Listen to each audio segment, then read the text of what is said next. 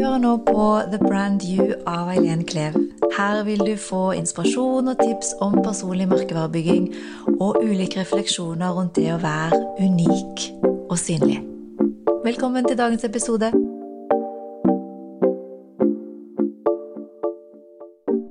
I dagens episode så har jeg gleden av å intervjue Hans Petter Nygaard Hansen, som er kommunikasjonsrådgiver og foredragsholder, og er veldig opptatt av alt som har med teknologi og digitalisering å gjøre. Velkommen. Tusen takk. Du, hva er det med teknologi og digitalisering? Har du alltid vært opptatt av det? Ja, så lenge jeg kan huske omtrent. Eh, nå er jeg 46 år, og jeg begynte å programmere på slutten av 70-tallet. Eh, som syv-åtteåring. Som Commodore 64-typisk? eller? Ja, det er før det, faktisk. Før det, ja. ja, den, første, den første datamaskinen jeg satt og knota litt på, den hadde min pappa laget. Mm. Så Han var dataingeniør i Forsvaret, så det var liksom, jeg fikk det nesten inn med morsmelken. Yes. Og jeg bruker jo liksom sånn humoristisk å si at jeg er ikke født med ski på beina, men en tastatur i hånda. Eh, Så teknologien har liksom alltid vært av stor interesse. Og jeg eh, jobber jo i dag da med, med som, altså, som foredragsholder og kommunikasjonsrådgiver og podkaster og eh, blogger osv. Men jeg er jo utdannet innenfor informasjonsteknologi og har jo 17 års erfaring fra IT-bransjen. Så teknologien ligger liksom i DNA-et mitt. Og så har jeg bare blitt mer og mer opptatt av hvordan teknologien ikke nødvendigvis funker, men hvordan det påvirker oss i våre liv og i næringsliv. Og hvor kom interessen for kommunikasjon inn? For det gjør du jo mye nå, Ja. også i denne sfæren. Det gjør jeg. Eh, altså det, det har vel gradvis utviklet seg i tråd med stillingene som jeg hadde i IT-bransjen. Så jeg, jeg begynte som en tekniker, ble etter hvert selger, eh, ble salgsleder, fikk ansvar for forretningsutvikling, og med forretningsutvikling også da markedsføring blant Eh, Og der kom jo da liksom eh, kommunikasjonsinteressen inn, og så dukket jo sosiale medier opp. eh, Og en som heter Thomas Moen, som er en sånn pioner, vil jeg vel kanskje kalle han, innenfor eh, blogging og sosiale medier, fikk meg litt interessert i liksom forholdet mellom, eller forskjellen kanskje, mellom den tr- tradisjonelle måten å formidle et innhold på, sånn at vi sendte pressemeldinger, til at vi plutselig da med internett uh, kunne liksom ytre oss selv da gjennom blogging, og så kunne vi få distribusjon gjennom sosiale medier. Så det har gradvis utviklet seg til der jeg befinner meg i dag. Så du har vært med liksom fra tidlig morgen i sosiale medier og fram til i dag? Eldgammel eh, kar. Eh, Men altså, det skal sies at jeg var ikke Ja, det var vel eh, knapt 200 000 nordmenn tror jeg, som brukte Facebook når jeg tok det i bruk. Men min kone var før meg. altså så Det var hun som liksom tvang meg nærmest til å skaffe deg en konto på Facebook. Og jeg var Nei, hva skal jeg med det rælet der? Liksom, jeg har, e-post. ikke det? Ja. ikke sant? Ja. Det, men derifra så har det jo gått ganske fort, og så har jo pendelen på mange måter, ikke nødvendigvis eh, bare med meg selv, men da, jeg ser jo sånn konturene av en pendel som begynner å svinge nå, hvor, hvor vi liksom fra tidlig av var veldig sånn sharing is caring og demokratisering og ordskifte, og alle fikk en mulighet til å skape sin egen stemme, eh, til at færre og færre nå liker og kommenterer og deler, eh, i hvert fall i det åpne rom, eh, fordi eh, ordskiftet har blitt så hardt og brutalt. Nå jeg husker jo Anita Krohn Traaseth som liksom kom ut av HP ikke sant, og skapte seg et stort navn ved bruk av Twitter og blogging og sosiale medier som sådan, hvor, hvor eh, si, den alminnelige pressen begynte liksom å kritisere at det var så mye heiing. Det er ikke mye heiing igjen nå, altså. Nå er det bare hating. Eh, og da blir det jo litt mer, da blir det litt mer lukt igjen. Så vi har, jeg synes det er trist, hun Bloggen er ikke så veldig synlig lenger i media, sånn i sosiale medier. Overhodet ikke. Bloggen er jo stengt, og det er jo nesten ikke noe tvitring. Så hun eh, legger vel ut et bilde i ny og ne eh, som ikke skaper noe kontrovers. Og det jeg mistenker at det er sånne gamle, hvite herremenn som eh, har satt munnkurv på, på damen. Eh, og det Jeg syns det er trist. Jeg, jeg syns hun gikk foran med et ekstremt godt eksempel på ikke bare moderne form for lederskap, men også da for kvinner, da, som tross alt det er mangel eh, på. Og en av de sterkeste kritikerne hennes var jo en journalist, eller er en journalist som jobber i Dagens Næringsliv, og da syns jeg det er jeg, synes, jeg finner det paradoksalt at de for kort tid siden arrangerte en konferanse. Jeg er ganske sikker på at det var de som gjorde det. En konferanse om hvorfor eh, man ikke har flere liksom, synlige kvinnelige ledere. Eh, ja, Stikk hodet frem, så skal vi kappe det av, liksom, og så kan vi heller ta en diskusjon etterpå. Mm. Hvilke andre er det du vil trekke fram som har vært gode, og fremdeles kanskje er gode, til å være synlig i sosiale medieverden? Om det er Facebook eller Twitter eller andre Og det begynner å bli mange, men nå er det jo mange av de som har liksom flytta seg kanskje fra tradisjonelle sosiale medier til YouTube og til podkasting. Eh, og alle skriver jo bøker om dagen istedenfor. Så det Nei, altså Så du ser det går vekk fra å være veldig tydelig synlig til heller bli tydelig på spisset på en slags bok eller et eget fora ja, eller en egen Og kanskje da, kanskje da i kanaler som, som ikke liksom innbyr like mye til eh, nedsabling. Mm.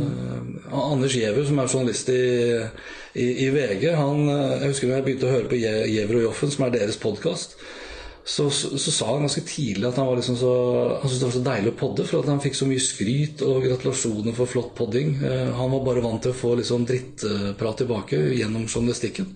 Så det er en trygghet der, det, det er ingen tvil om. Eh, jeg får jo mye drit eh, til tider sjøl gjennom, gjennom det jeg skriver, og hvis jeg da deler det, og folk er uenige, så er det veldig lett å være usaklig uenig. Mm.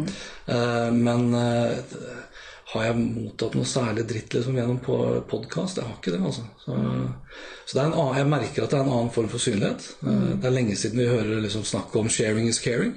Eh, nå er det mer å, å, bry seg om faktisk seg selv. Og det var vel en rapport her nå veldig nylig som, eh, som Deloitte la frem, hvor man så ganske så dramatisk nedgang i nordmenns liking og deling og kommentering. Og det er jo en bekreftelse igjen da, på at man ikke orker det. Mm. Man orker ikke den form for eksponering lenger. Mm. For er folk uenige med deg i liksom disse følelsesladdede eh, foraene som gjerne sosiale medier er, så, så mister man jo forstand. Eh, man er ikke rasjonell i sin kritikk, man er veldig emosjonell. Mm. Og det er ikke spesielt uh, pent å se på til tider. Nei, det har vi sett. Ja. Men hva opplever du selv? Du har jo vært synlig, og ja. er jo for så vidt synlig òg. Har du merket noen endring i dine egne vaner uh, i forhold til synlighet? Ja. Jeg uh, deltar mye mindre i debatter, i den grad man kan kalle det liksom, regelrette krigssoner for debatter. deler mindre. podder jo mer. Mm. tatt mer i bruk YouTube enn tidligere. Eh, tar gjerne diskusjoner, eh, men da kanskje i litt mer lukka former. Ikke for, jeg, ikke, for at, ikke for, å være feig at jeg liksom bare skal delta i debatter hvor det er bare likesinnede, for da, da flytter man jo heller ikke noe. Men, eh, men, det er ikke noe vits i å ta alle sånne politiske debatter, f.eks. For, eksempel, for folk er i stor grad egentlig ikke interessert i å endre sine egne meninger. De er bare interessert i å fremme de, mm. og slå ned på de som da ikke er enige. Og det syns jeg ikke er noe særlig konstruktivt. Og hvis ikke det er noe særlig konstruktivt og ikke bidrar til noe, så er det rett og slett bare bortkasta tid det, det, gir deg bare dårlig energi. Ja. Så jeg har blitt uh, kanskje flinkere og mer bevisst sjøl på å bruke tiden på ting som i større grad gir meg energi, og ikke bare tar energi. Mm. Men det er fortsatt mange dyktige mennesker. Altså. Uh, nevnte jo Anita Krohn Jeg syns fortsatt det er ekstremt trist at hun ikke er like synlig som før. Samme gjelder Yvonne Fosser, også fra da, Innovasjon Norge og tidligere Håpe. Uh, Isabel Ringnes, f.eks., som en ung kvinne som er ekstremt dyktig også da på teknologifronten. Thomas mm. Moen har jeg vært innom. Um, så fins det liksom eh, altså treningsfrue. Uh, uh, og diverse influensere. Jeg har jo jobbet en del år nå som jurymedlem i Vixen. Og Vixen Influencer Awards med alt det bråket som har, som har dukket opp der også. Det er mye meninger om mangt i dag. Men ja, Marius Carlsen, som, som, som jeg driver podkasten Mediapuls sammen med, eh, lager vel det jeg vil kalle for Norges beste nyhetsbrev innenfor digitale og sosiale medier. Også, og det er på e-post. Så, er? E ja, så han gjør seg synlig gjennom liksom, et, eh, et, nyhetsbrev som kommer ut ukentlig, som veldig mange abonnerer på. Mm. Rekordmange på veldig, veldig kort tid. Mm. Um, Hvordan får han folk inn?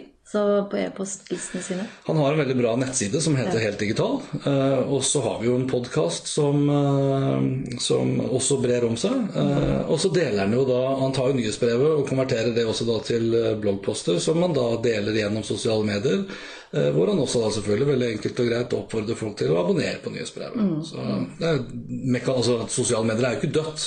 Det har den kommet for å bli. På en litt annen måte. Ja, og så har det blitt uh, litt mer lukket, litt mindre rom. Uh, for da har man litt, litt, mer kontroll også på mm. ordskiftet, hvis, mm. hvis, jeg kan gjenta det igjen. Men hva er ditt forhold til personlig merkevare som begrep? Um, jeg har jo bygd opp min, mitt eget selskap rundt mitt eget navn. Ja. Det er jo fordeler og ulemper med det. Nå var det du begynte med det? Hvilket Eh, altså jeg, jeg begynte jo først i PR-bransjen. Var en kort tur innom eh, Gambit, eller Gambit Hill pluss Nolton Strategy, som de kaller seg. Eh, og så et par år i Gelman Kise. Og da hadde jeg jo startet bloggen. Eh, den startet jeg i eh, Cisco i 2010. Eh, og en blogg i seg sjøl er jo en personlig eh, ytring, som gjerne skal være ganske så uformell i tillegg. Eh, hvor det er kanskje dine subjektive meninger som bærer preget som av innhold du deler. Men det bør jo selvfølgelig være objektivt, i hvert fall hvis du skal mene et eller annet. Da. Eh, og jeg satte opp den bloggen rett og slett for å, for å forstå eh, For da var jo sosiale medier forholdsvis nytt, og alle disse digitale kanalene var ganske sånn nytt også. Og det, tanken bak var å se om det var mulig å nå et publikum direkte. Eh, For sånn sett da å skape en eh, kan du si, magnetfølelse, altså tiltrekningskraft, da, istedenfor den tradisjonelle måten å drive markedsføring hvor bare pushe ut budskapene til kundene. Og det så jeg ganske kjapt at det fungerte greit. Jeg satt opp, eh, første jeg satte opp, var vel Digg-stil, het den. Digital livsstil, skulle det Ja. liksom være. Digstil, ja. Ja. Og da var ditt navn helt ute. Det var ikke så veldig Nei, det var- stilig. Det var ikke så helt Det var, eh, det var en tragisk dårlig nettside, men det var, det var et spett lite forsøk. Og så var det en eh, god journalist eh, og venn av meg som heter Trond Heggelund. Eh, Da jobbet han i Computer. Han driver også for seg selv nå eget selskap som heter trondheggelund.no, hvis ikke jeg husker feil. Og han eh, sa det at du må bygge, liksom, eh, du bygge bloggen rundt deg selv som merkevare. Eh, og på den tiden, det ser jo også jentene på den tiden der, de hadde jo da altså Jeg sa treningsfrue, du hadde fotballsfrue, du hadde liksom alle jentene hadde pseudonymer. Mens mannfolk som satt og blogg jeg sier mannfolk, jeg, eh, de han brukte sine egne navn. Og det var det vi fant ut ganske kjapt. Så jeg, hanspetter.info ble satt opp i august 2010. Så jeg hadde jo allerede begynt å bygge opp en merkevareprofil når jeg da var i GK. Eh, og to år senere, mai 2014, så da var jo liksom sosiale medier og blogging og alt det her var veldig nytt. Content marketing hadde vi vel ikke begynt å snakke om omtrent. Eh, men, kun, men henvendelsene liksom om å holde foredrag om det her ble ganske stor. Barna mine var akkurat store nok da til å kunne gå til og fra skolen selv. Så jeg fikk oppgradert eh, vanlig sånn nøkkellås til eh, Yale Doorman, som det heter, med kode. For jeg tenkte skal de begynne å gå til og fra skolen selv, så skal jeg ikke ha nøkler. Det kommer de til å miste. Så den kodelåsen ble installert. Den er tilkobla til Verisure, alarmsystemet, og jeg fikk på plass etter hvert også en sånn eh, dørklokke med kamera på. Så jeg hadde liksom, da, da hadde vi ganske grei kontroll på det. Vi kunne overvåke og følge med på liksom når de dro hjemmefra, hvis de måtte det uten at vi var hjemme, via mobilen etc. Så timingen for å begynne for meg selv var bra med tanke på familiesituasjonen, var bra med tanke på teknologiutviklingen, og det var bra med tanke på hvordan jeg allerede da hadde begynt å bli en person som folk ønsket å bestille foredrag fra. Ja. Så jeg hadde jo en pipeline av foredrag som lå inne i loopen, og så tenkte jeg nå Altså, hvis jeg ikke gjør det her nå Det må gjerne gå på trynet så det synger etter. Men jeg vil heller ha gjort det og gå på trynet enn å angre på at jeg aldri liksom forsøkte. Jeg ville prøve å være min egen sjef istedenfor å være, øh, jobbe for andre sjefer. Men mens du var ansatt og drev din egen blogg og bygde opp den ved siden av, er det noen konflikt mellom merkevaren deg og den merkevaren du skulle være i firmaet? Ehm, det er sikkert, altså Jeg opplevde vel til tider noen diskusjoner. Eh, Men jeg, altså, nå tok jeg jo den med meg inn, så vi hadde noen sånne diskusjoner om liksom, hvorfor legger du ikke den ned, og hvorfor ikke blogge liksom, på Gelman Kise sin blogg osv. Noen hadde, det, hadde de tankene. Eh, Nå er jo liksom Kommunikasjonsbransjen er jo i veldig stor grad preget av de profilene som jobber der. Mm. Så det er klart man hadde jo kanskje en frykt om at hvis du bygger deg sterkt nå med, med din egen blogg, i tillegg til liksom da merkevaren Gelmund Kise i ryggen, da, så kan du jo selvfølgelig utnytte det til din fordel. Og det kan jo være noen som tenker. Men nå utnytta jeg det i hvert fall ikke til en fordel ved å heve lønna mi hos en konkurrent hos GK. Jeg begynte for meg selv. Jeg, jeg, jeg var veldig nervøs når jeg kom inn til eh, til eh, sjefen min og, og leverte oppsigelsen. eh, Og jeg, det, det var vel den lengste oppsigelsen jeg skrev, for jeg ville ha ting veldig klart og tydelig eh, beskrevet for hvorfor jeg gjorde som jeg gjorde. For jeg var livredd for hans, ja. altså jeg var livredd for hva Hans Gelmyden ville si. Eh, men det gikk jo strålende. Altså han, eh, Andreas Wabe, som da var liksom den jeg rapporterte han sa jo bare at hvis ikke du hadde levert det nå snart, så hadde jeg spurt deg om ikke du skulle gjøre det. Fordi han visste at jeg kom til å liksom starte for meg selv, og det var det han ville at jeg skulle. Og Hans Gelmøyden han har nok en svakhet for gründere. Så for han så var det egentlig bare lykke. Altså det var det beste liksom, avskjeden jeg noensinne har hatt. Så bra. Ja, jeg får frysninger bare jeg snakker om det. Det var, nei, det var veldig Så kult. Men du nevnte litt tidligere at eh, det var mange som blogget, og da gikk de under fruenavnet, mens menn gikk under navnet sitt. ja. Hva er grunnen til det, tror du? Jeg veit ikke om det er en beskyttelsesgreie, eh, eller at det bare var en trend kanskje som, eh, som startet, og så var det mange som fulgte. Altså, fotballfrue var jo ganske tidlig ute, hun. Mm. treningsfrue har jo holdt på den her enda. Du har jo pilotfruer og alt det der. Jeg synes jo det det jeg syns er trist egentlig med å kalle seg for frue, det er jo at du viser at du står bak en mann. Ja. Det, Jeg, ser jo noen menn som kaller seg for mister. Altså mister eh, modig, mister eh, LinkedIn, mister Det er noen som har liksom mistertittelen da, Ja. og da, har de, da eier de den. Ja, da bygger de Men når du selv er opp. frue, så er det sånn Ok. Ja. Og det kan jo være, det kan, kanskje ha vært ment som en liten sånn humoristisk vri på det der og da, og så ble det plutselig en trend. Men ja, komikerfrue er jo? Altså, ja. Det fins rimelig mange fruer, eh, og de er jo kjempesterke personligheter. Altså, skal du være en blogger og en influenser nå i dag, eh, så skal du ganske kjapt lære deg å stå i stormen. Altså. Og du skal ha jeg på å si skylapper og, og sterk i pannebrasken og være flink til å legge fra deg ting i skuffen. For de får så mye drit. Det koster mye å, å være fremoverlent på vegne av deg sjøl som en egen merkevare. Det gjør det. det. Synder du, så går det alt på, på deg som person. Selv om du kan skjule deg bak et AS, liksom, så er det jo det er bare deg og din person. ikke sant? Og det gjelder jo for deg òg. Ja, ja. Og Hva, jeg hva gjør du når du opplever hets eller opplever motgang eller opplever at ting ikke helt går den veien du hadde håpet, eller du begynner å få disse nettrollene? Hva gjør du? Hva er tipsene? Ehm, Du trenger jo en god venn å snakke med, da. I min kone, blant annet. For Eh, hun støtter deg 100% i dette. Ja, ja, altså Hun er jo Ja, hun er veldig sterk. Og hun er jo nordlending i tillegg. Jeg tror det kanskje hjelper litt. Det hjelper nok. Ja, og så har man jo veldig mange gode venner i liksom Av de som er opptatt av sosiale medier og teknologi. Og jeg er jo en del av eh, Nils Apeland sin taleliste, eh, som er en sånn foredragsnettverk. Mm. Og jeg syns jeg finner mye støtte der også. eh, I de tilfellene jeg trenger det. Men generelt sett så er vel jeg, vel, jeg tåler en del sjøl. Jeg har jo valgt tidligere å stå i ganske mange stormer. Jeg har kanskje I mange tilfeller så vil kanskje folk påstå at jeg har lagt opp til det selv også. Eh, hvilket jeg kan si meg sånn halvveis enig i til tider. Jeg liker jo å være litt sånn tabloid eh, og si ting med en sånn finger i eh, for å vekke noen reaksjoner. Og da, da må man jo stå i det. Men eh, jeg skal ikke legge skjul på at det er tøft når man står på. Jeg har grått noen tårer. Eh, Spesielt når ting går utover min familie. ja. Så syns jeg det er slitsomt. Hvor Sånn. gamle er barna dine nå? Jeg har ei datter på 27 Ja. eh, og to på snart 13. De på 13, skjønner de noe av det? De vet, Ja, de, altså Når du er 12-13 år, selv om det kanskje er under den anbefalte alderen for en del sosiale medier, så, så er de jo på nett. Og når eh, og de, ja, nei, de, de får jo med seg en del ting, de også. Det er jo litt vanskelig når du kombinerer liksom jobb og privatliv i det samme huset. Så, så kan jo de merke det på meg og spørre hva det liksom, hvorfor er du lei deg nå, eller du ser sliten ut osv. Og, så og jeg sier kanskje noen ganger litt mer enn det jeg burde. Eh, Men samtidig så er det også fordi jeg er veldig opptatt av at de skal være veldig kritiske, de også, til hva som foregår på nett. Ja. Eh, alt fra liksom anonyme sånne chatrooms hvor det blir plutselig sendt nakenbilder fra en eller annen som mener han er tolv år, og som kanskje er en rimelig gammel pedofil eh, herremann. Eh, hvilket jeg mener er, det er et issue i Norge i dag, at det er altfor mange foreldre som overhodet ikke liksom forholder seg til disse sosiale mediene. Eh, og så er det selvfølgelig en del voksne da, som burde vite bedre hvordan man skal forholde seg til mediene og oppføre seg ordentlig. De er jo dårlige, det, er, det er mange dårlige rolle, rollemodeller ute. det ser man jo. Ja, så øh, nei, da, vi, vi, vi prøver å prate om ganske mye. For jeg er jo litt synlig. så En ting er å være synlig i sosiale medier, og så mener jeg jo ting som gjør at jeg blir synlig i mediene. Også, om det er avis, radio, TV. Ja. Uh, det må jeg nesten. Liksom, det er en del av markedsføringsjobben min. En del av jobben din, da. Ja, det. Hvis jeg skulle oppsummere merkevaren din med noen ord, hvilke ord ville du trekke fram?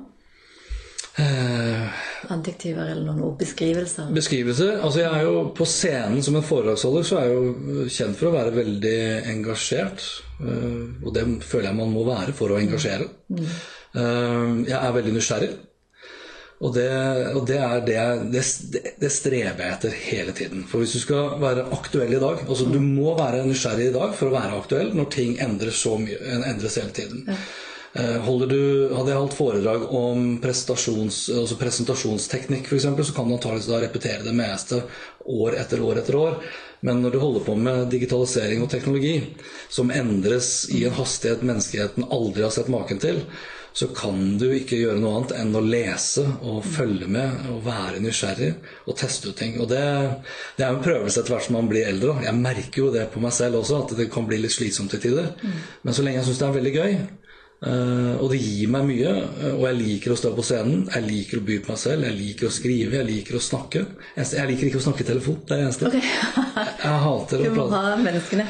Ja, altså I den grad jeg skal prate i telefon, så må ting være planlagt. Uh, altså Uanmeldte telefonsamtaler det blir for meg det samme som uanmeldte møter. Det er forstyrrelseselementer. og det er mange som spør meg liksom, hvordan orker du å jobbe hjemme aleine. Men jeg, altså når jeg er ute, så utleverer jeg meg sjøl så himla mye. Når jeg snakker om, på en podkast eller kjører en YouTube-video eller er på sosiale medier, så er det veldig eh, energitappende. Krevende, syns jeg, å stå i, stå i det til enhver tid. Så det å sitte hjemme helt aleine, det er det ypperste for meg.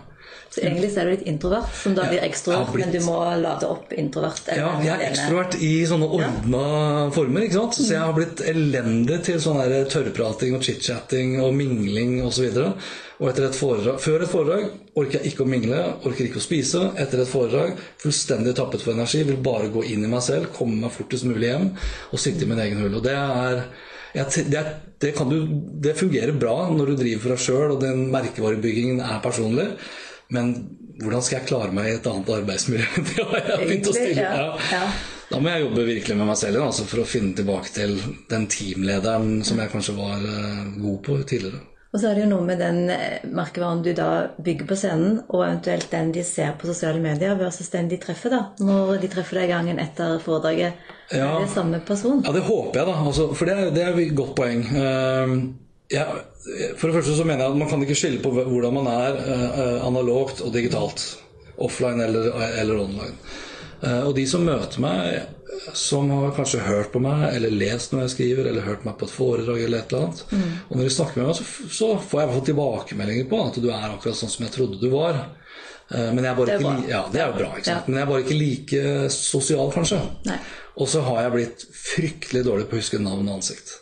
Det blir for mange etter hvert. Ja. ja. Og det, det, er det første jeg innrømmer.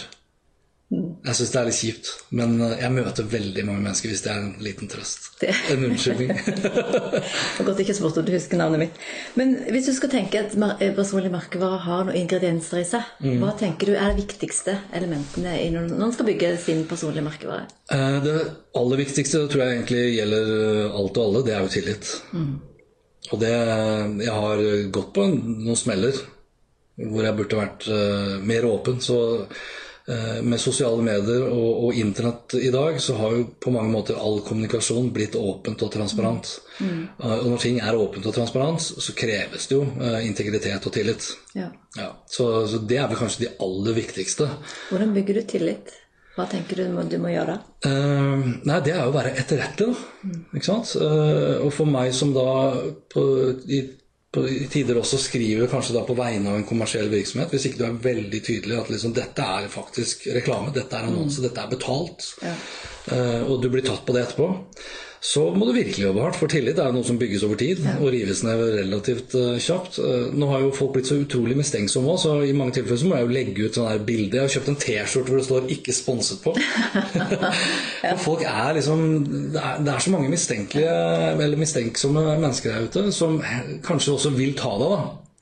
Uh, for jeg har jo, nå er, nå er, det noen år siden, men sånn, jeg merket jo den heia-greiene når du liksom etter hvert blei si, mer og mer synlig og kanskje populær, kan man jo ikke si at man selv er, men jeg opplevde i hvert fall at folk ville høre mer om meg, se mer av meg. Og, da var det veldig mange som heiet deg oppover. Og så kommer det til en visst punkt.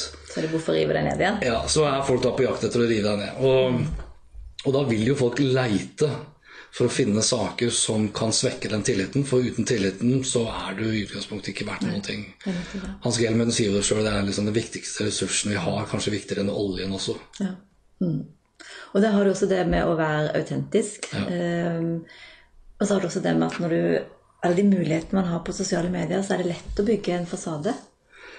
Ja, det er jo tryggere. Det er jo mye tryggere. Ja. Men det er det som jeg sa i stad, at du må liksom oppleves lik online og offline, altså analogt og digitalt. Ja. Så, så, der, er jo den, der kommer det der autentiske ganske tydelig frem. da. Ja. Igjen, jeg får jo bekreftelse på at de opplever meg i hvert fall ikke til å være Jeg er ikke noe sånn Dr. Jekyll og Mr. Hyde, liksom. Nei. Jeg tror det er mange som er det, altså. Det er lett å være liksom en tøff drittsekk bak et tastatur, og så er du en puselabb eh, face to face. Og det, Du kommer ikke langt som en kommunikasjonsrådgiver eller som Nei. en foredragsholder eh, eller som en opinionsleder osv. Jeg hadde ikke klart meg på radio, TV, aviser over år hvis jeg, hvis jeg hadde vært liksom yin-yang-Hansen. det var vanskelig å håndtere selv òg? Ja, altså jeg klarer ikke å ta på meg så mange hatter. Nei, det er noe. Ja. Og jeg har, altså, jeg har jo da hva skal jeg kalle det? Jeg, har, jeg, jeg, jobber jo med noe jeg elsker. Mm. Så jobben Og det, det, gjorde jeg også når jeg jobbet i informasjons- og teknologibransjen i Cisco. Så, så sa jeg ofte at jobben i seg selv er en slags livsstil, og så er fritiden er liksom sånn elementer av pauser. Mm. For jeg har liksom alltid vært vant til å kunne jobbe hvor som helst, når som helst og på hva som helst. Og på kontoret, på reisefot på en kafé. Mm. Eh, og da blir ikke jobben en åtte til fire, og da tar du heller ikke av og på diverse Nei. hatter. og eh, sånn, Hva heter det, han Per Sandberg som sier at det, det mente jeg på i privat sfære. Det funker ikke. Det, igjen, Internett og sosiale medier har gjort alt åpent og mm. transparent. 24-7. På godt og vondt. På godt og vondt, mm. ja. Og da, da, er du tilbake på integritet i tillegg. I tillegg ikke sant? Absolutt. Ehm, det er som denne med å ha en rød tråd i, i kommunikasjonen når en bygger merkevare. Hva tenker du om det? En rød tråd? Mm. Eh, jo, altså I alle flater fra offline til online til det skal jo være gjenkjennbart, da, tenker jeg. Uh, så den røde tråden når du bygger opp en personlig merkevare, er vel kanskje knytta til bl.a. de elementene vi snakket om tidligere. Uh, men det bør jo også bære da et tydelig personlig preg. Mm. Uh, skriftformen mener jeg også bør være veldig uformell. Så det, det, er jo motsatsen til klassiske pressemeldinger, som er veldig formelle og, og, mm. og veldig upersonlige. Eh, mens her, her, skal jo folk bli Folk skal jo like deg som person. Du skal jo skape en trygghet av liksom, Hans Petter vet hva han snakker om. Uh, han uh, fremkommer som en dyktig person på de fagområdene han ytrer seg om. Og så tror jeg det er viktig å holde seg litt sånn tro da, mot de uh, områdene du er, har lyst til å bli en opinionsleder, en dyktig en ekspert, eller kall det hva du vil på. Mm. sånn at folk opplever en viss grad av forutsigbarhet. Mm, for hvis jeg plutselig nå hadde begynt å skrive om uh, helsekostprodukter, så hadde folk liksom begynt å lure hva pokker er som foregår? Ja, hva skjer her nå? Dette bryter med mine uh, forventninger. Mm. Og det handler jo altså, For mitt vedkommende så har jeg jo satt ganske strenge forventninger til meg sjøl. Fordi jeg vet at jeg har liksom levert nå et produkt gjennom de forskjellige kanalene mine i mm. ganske mange år. På, liksom, I løpet av en uke så kommer det så og så mange poster, og han blogger om ditt, og han skriver om datt, og han podder om osv. For vi er jo vanedyr. Mm. Så finn, liksom, finn fram til et tempo, en frekvens, som du føler du kan etterleve eh, over lang tid.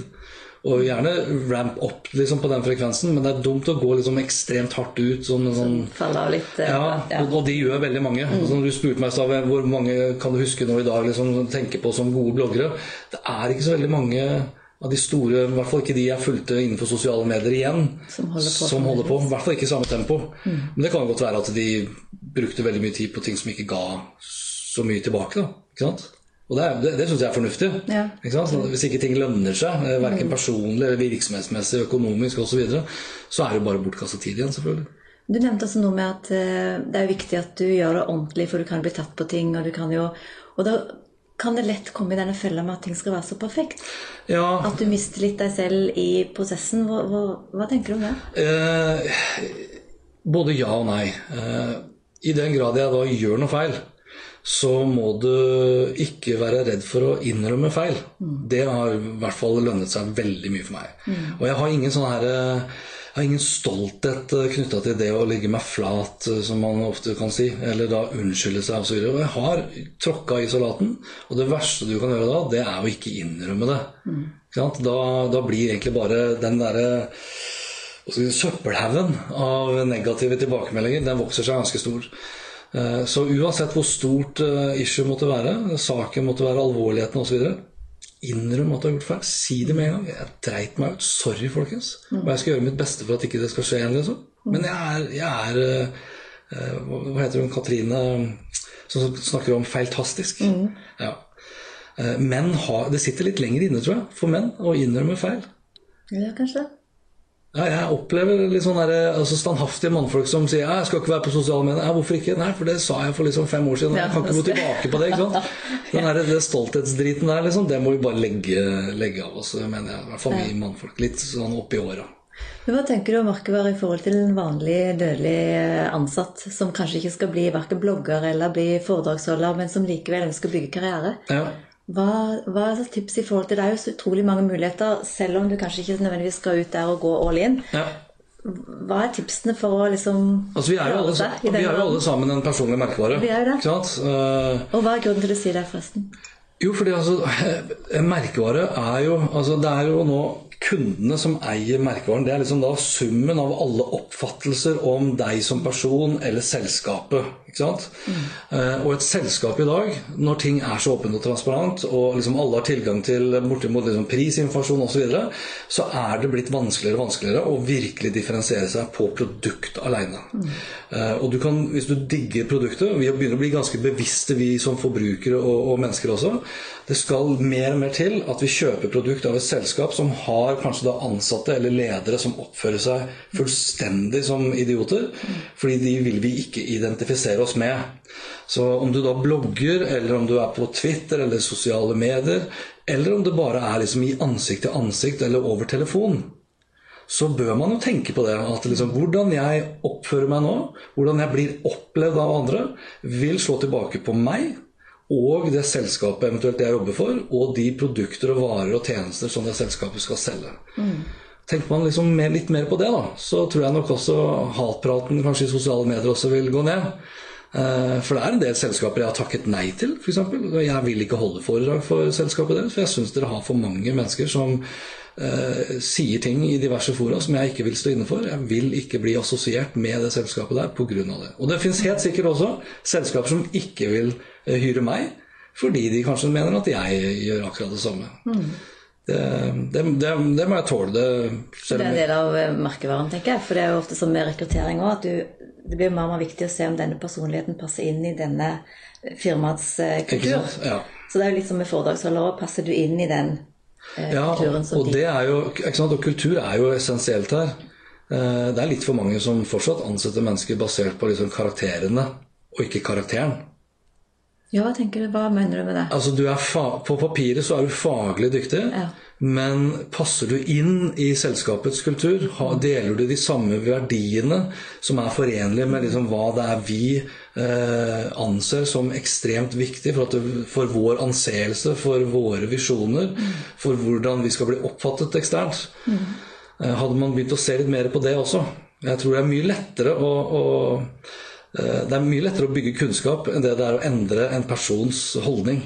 Absolutt. Ja. Mm. Og det tror jeg du ser skift på allerede i rekrutteringsprosessen. Ja, mer og mer. Mer og mer, men der sitter fortsatt en god, mye gammel bedriftskultur mellom eh, bedriftens fire vegger. Også. Det gjør det. Og kanskje også for de som skal få jobben, at de heller ikke er tydelig klar over hva som er min unikhet som person. Bare tenker CV-en og det faglige. At ja. man låser seg litt til til det? Ja, jeg tenker altså det, Mye av det faglige skal egentlig være med på å bekrefte mine antakelser om at denne personen her liker jeg veldig godt. Og det er litt sånn på samme måte som når jeg da blogger eller skriver eller hva det er for noe jeg gjør. Mm. Så skal jo det være med på det, skal være med på liksom å dekke kanskje 60-70% av Kall en kundereise da, fram til at kunden tar kontakt med meg og sier at jeg ønsker å hyre deg inn for et kommunikasjonsrådgivningsoppdrag eller som et foredrag, mm. til et foredrag så skal jo de siste 30-40% skal jo bare bekrefte den antakelsen om at dette er en person jeg liker.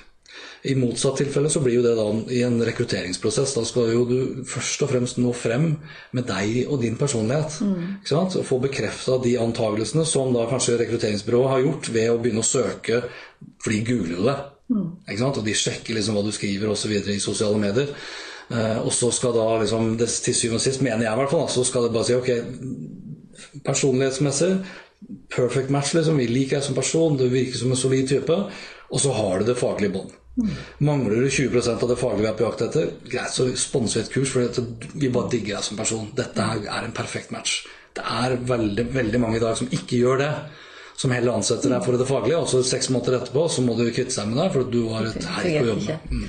Men Hva tenker du om bedrifter i forhold til å motivere ansatte til å bygge sin egen merkevare? Er det, er det noe man prøver å ikke snakke om fordi man er redd for at hvis du blir for sterk merkevare, så forsvinner du ut? Litt sånn som vi snakket om med din eh, Ja, posisjon. ikke sant? Hvordan er holdningen sånn som du opplever det hos firmaer? Begge deler. Begge deler. Ja, det er mange som vil hegne. eh, Og jeg tenker at Hvis du er redd for at personen du har ansatt skal bli så bra at veldig mange bedrifter digger deg og har lyst til å handle hos deg, og, og, og du skal prøve å skjule det i frykt for at du mister vedkommende I det øyeblikket du tenker det, så tenker jeg at da bør du tenke Altså da, da bør du erkjenne at da er det noe galt med din egen bedriftskultur. Hvis du skal skjule de ansatte i frykt for at de skal gå et annet sted, så er det noe galt på, ditt, på din hjemmebane. Det er veldig mange som gjør det. altså. Som, som, som eh, bare vil legge fram sort-hvitt-bilder av ledelsen på, på nettsiden. Og helst Ikke de andre. ja, ikke de andre. Jeg syns det er helt utrolig. Med tanke på at det, de ansatte igjen er kanskje den viktigste og ikke minst den dyreste eh, asseten i veldig, veldig mange bedrifter. Hvilke bedrifter er gode på det? Til å fronte sine ansatte og være med og, og sånn som du ser det eller har opplevd det? Eh, ja, Der er jo kanskje mediebransjen for eksempel, er veldig god på det. Sant? Jeg tror enkelte journalister for mitt vedkommende kunne ha jobba i hvilken som helst avis.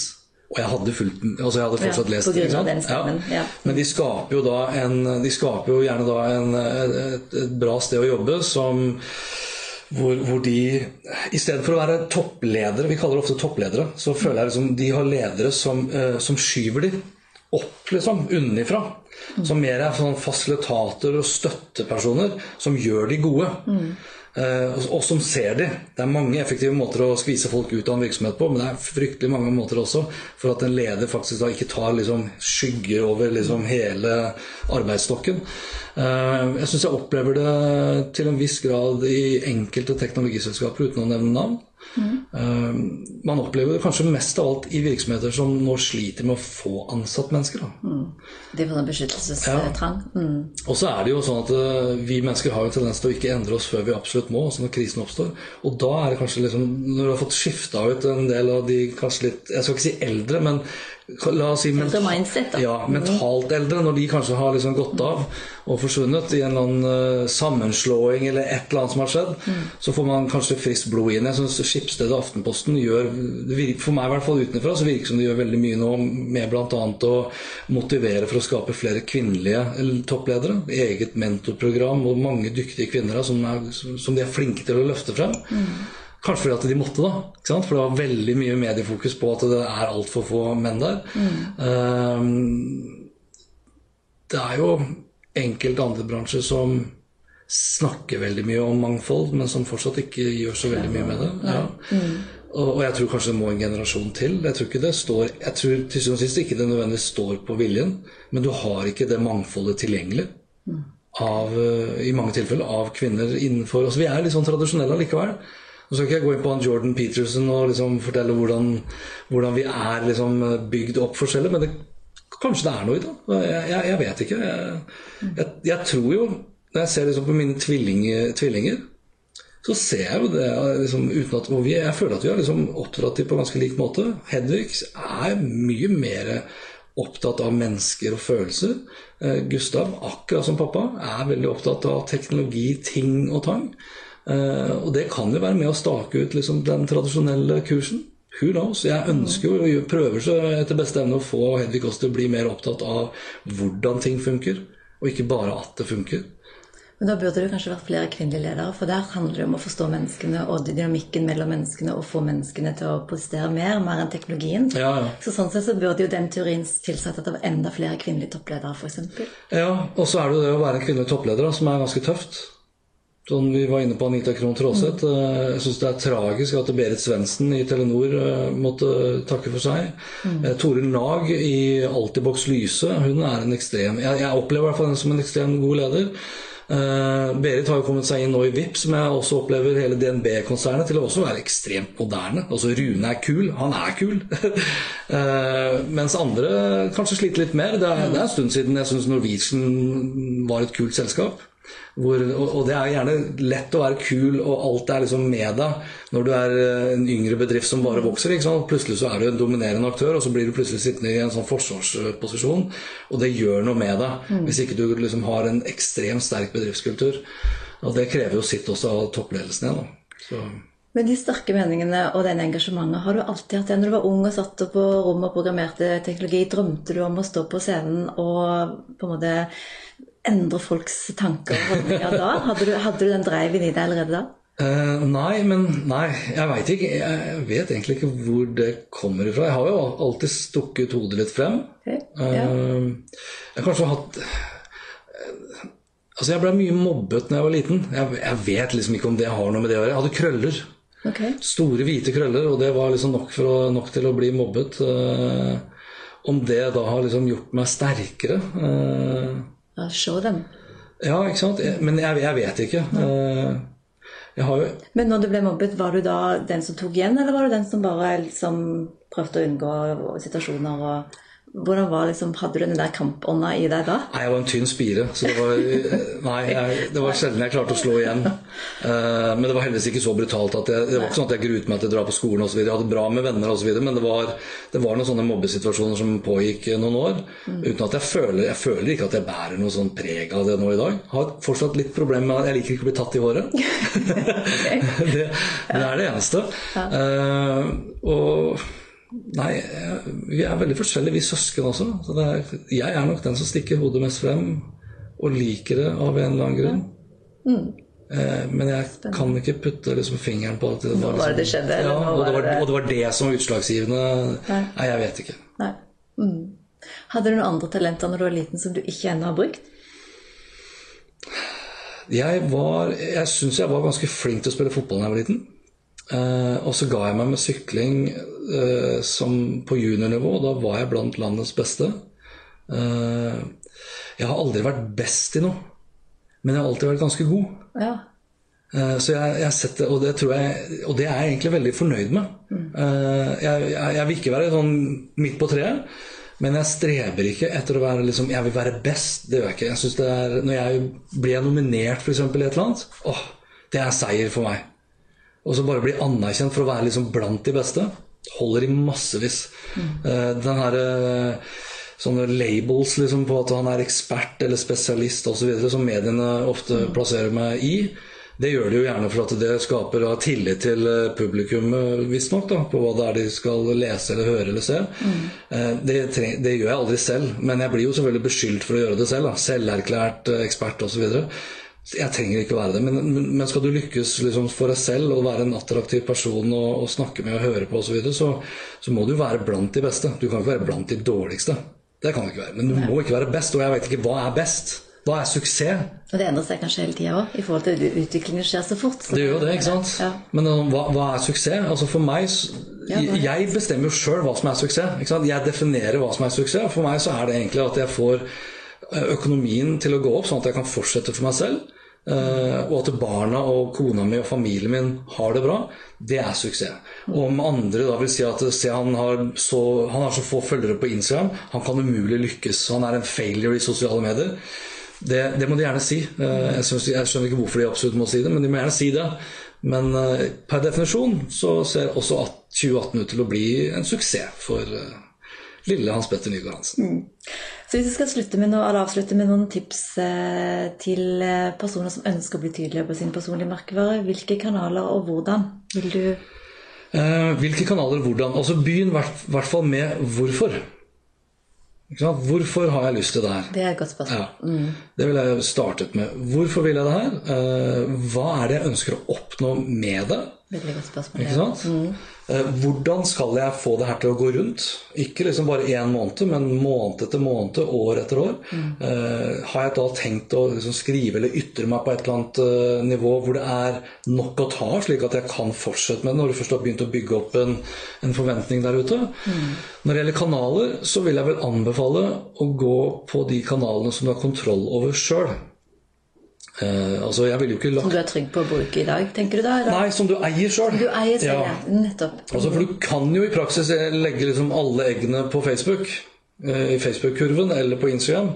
Mm. Men nå ser vi jo liksom at det er et skifte mellom de forskjellige kanalene. Og det er så dumt å plassere liksom skjebnen din i en kanal som du ikke har eierskap og kontroll over. Du må gjerne bruke de kanalene for hva det er verdt, for hva det kan funke til for de respektive formålene. Men eh, det, det, er, det er galskap i dag å gå all in i en kanal som du ikke eier selv. Så om det da er liksom en, et nettsted, et Wordpress-nettsted, eller om det er din egen podkast, eller om jeg holdt på å si, din egen YouTube-kanal Det er jo livsfarlig, det også. Det er jo ikke sikkert at YouTube er kommer til å? Men da, så du kan jo gjerne bruke YouTube-kanalen, men videoen bør du jo ha sjøl. Legge ut på din egen nettsted i tillegg. Så du må, ja, egne kanaler er, er viktig, men kom på plass liksom med hvorfor du skal gjøre det. Og ikke gjør det ene alene for at du skal bli eh, en populær, kjent eh, personlig merkevare som skal tjene penger. Hvis motivasjonen er der, så tror jeg du kommer til å bomme. Hvis, eh, hvis motivasjonen mer er på at jeg føler at jeg har noe som andre kan lære av, bli inspirert av, at det er liksom den indre motivasjonen min, da tror jeg du har kommet et godt stykke på vei.